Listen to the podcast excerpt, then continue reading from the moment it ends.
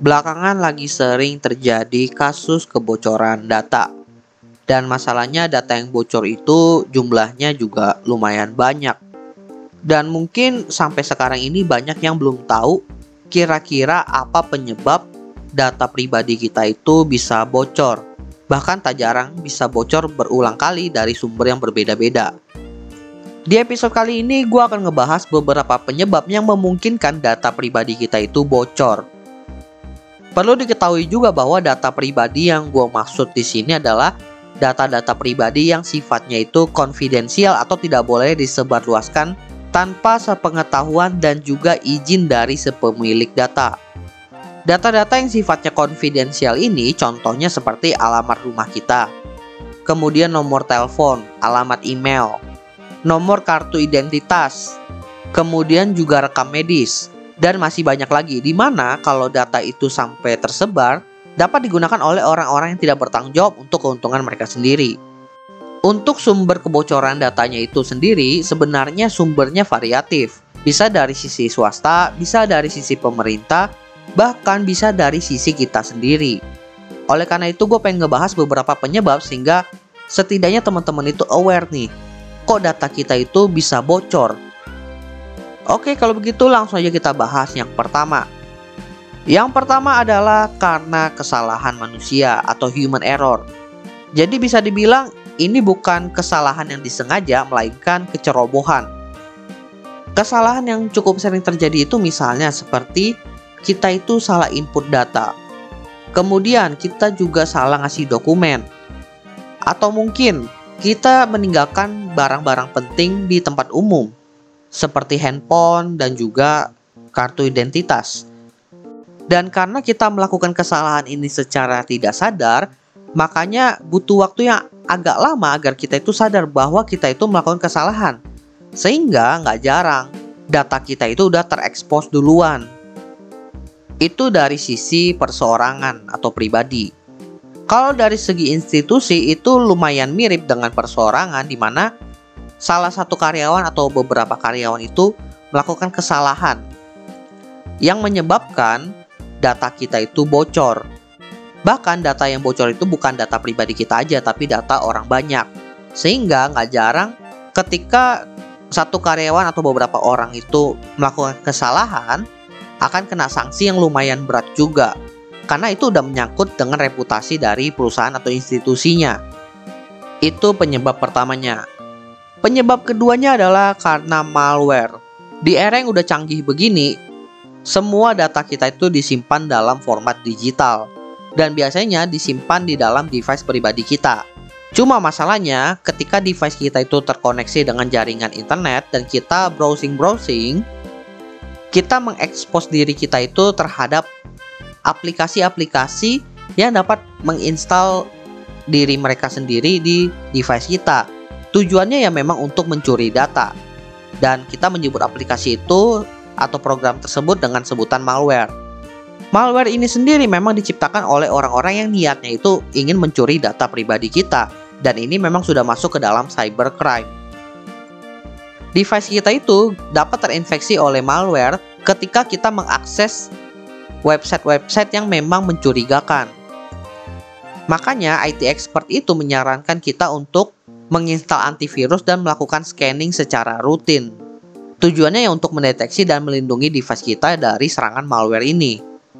Bahkan ya untuk masalah malware ini bukan cuma terjadi dari sisi individu aja, bisa juga berdampak kepada sisi institusi, di mana kasusnya itu belum lama ini terjadi, yaitu di kasus salah satu perbankan yaitu BSI, di mana mereka itu diserang oleh ransomware. Malware ini cukup mengerikan. Kenapa? Karena aplikasi ini terinstal tanpa kita ketahui dan dia berjalan juga tanpa kita ketahui. Tiba-tiba udah terinfeksi aja tuh device kita.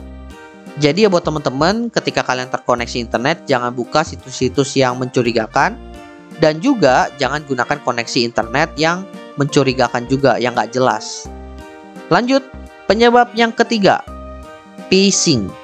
Phishing ini juga bisa dibilang sebagai salah satu serangan cybercrime, tapi memanfaatkan ketidaktelitian dari sisi manusianya.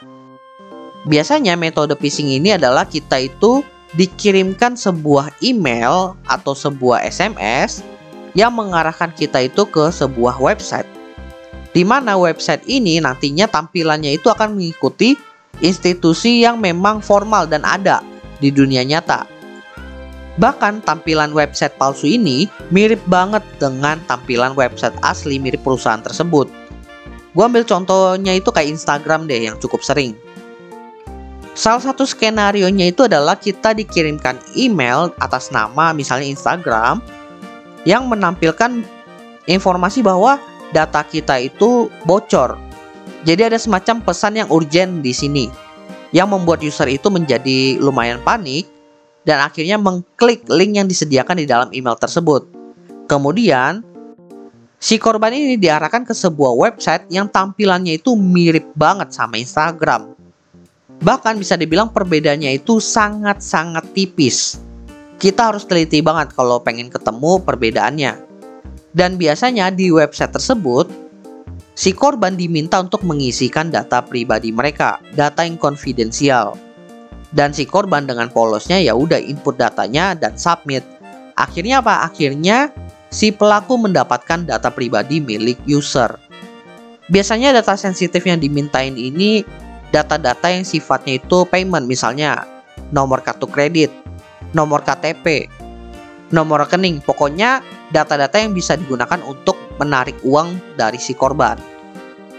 Bahkan yang nggak jarang nih korbannya itu setelah menginput data-data sensitif tadi, mereka nggak aware sampai sekarang bahwa itu website phishing. Jadi si pelakunya pinter juga, dia itu udah dapat data si usernya, si korbannya, dia nggak langsung tuh pakai data-data tersebut. Melainkan ditungguin dulu dan dalam kurun waktu beberapa bulan baru dipakai. Dan biasanya si korban itu udah bingung. Kok bisa nih kejadian ke gua? Dia nggak inget dia udah pernah input data-data pribadi dia. Seperti itu. Lalu penyebab terakhirnya adalah karena ada oknum yang tidak bertanggung jawab. Jadi kemungkinan besar penyebab ini adalah datang dari institusi yang memang memegang data pribadi kita. Di dalam institusi itu, ternyata ada oknum-oknum yang memanfaatkan data kita untuk menghasilkan uang lebih demi keuntungan pribadi mereka. Biasanya sih datanya itu dijual. Dan gua rasa hal ini udah cukup sering terjadi ya.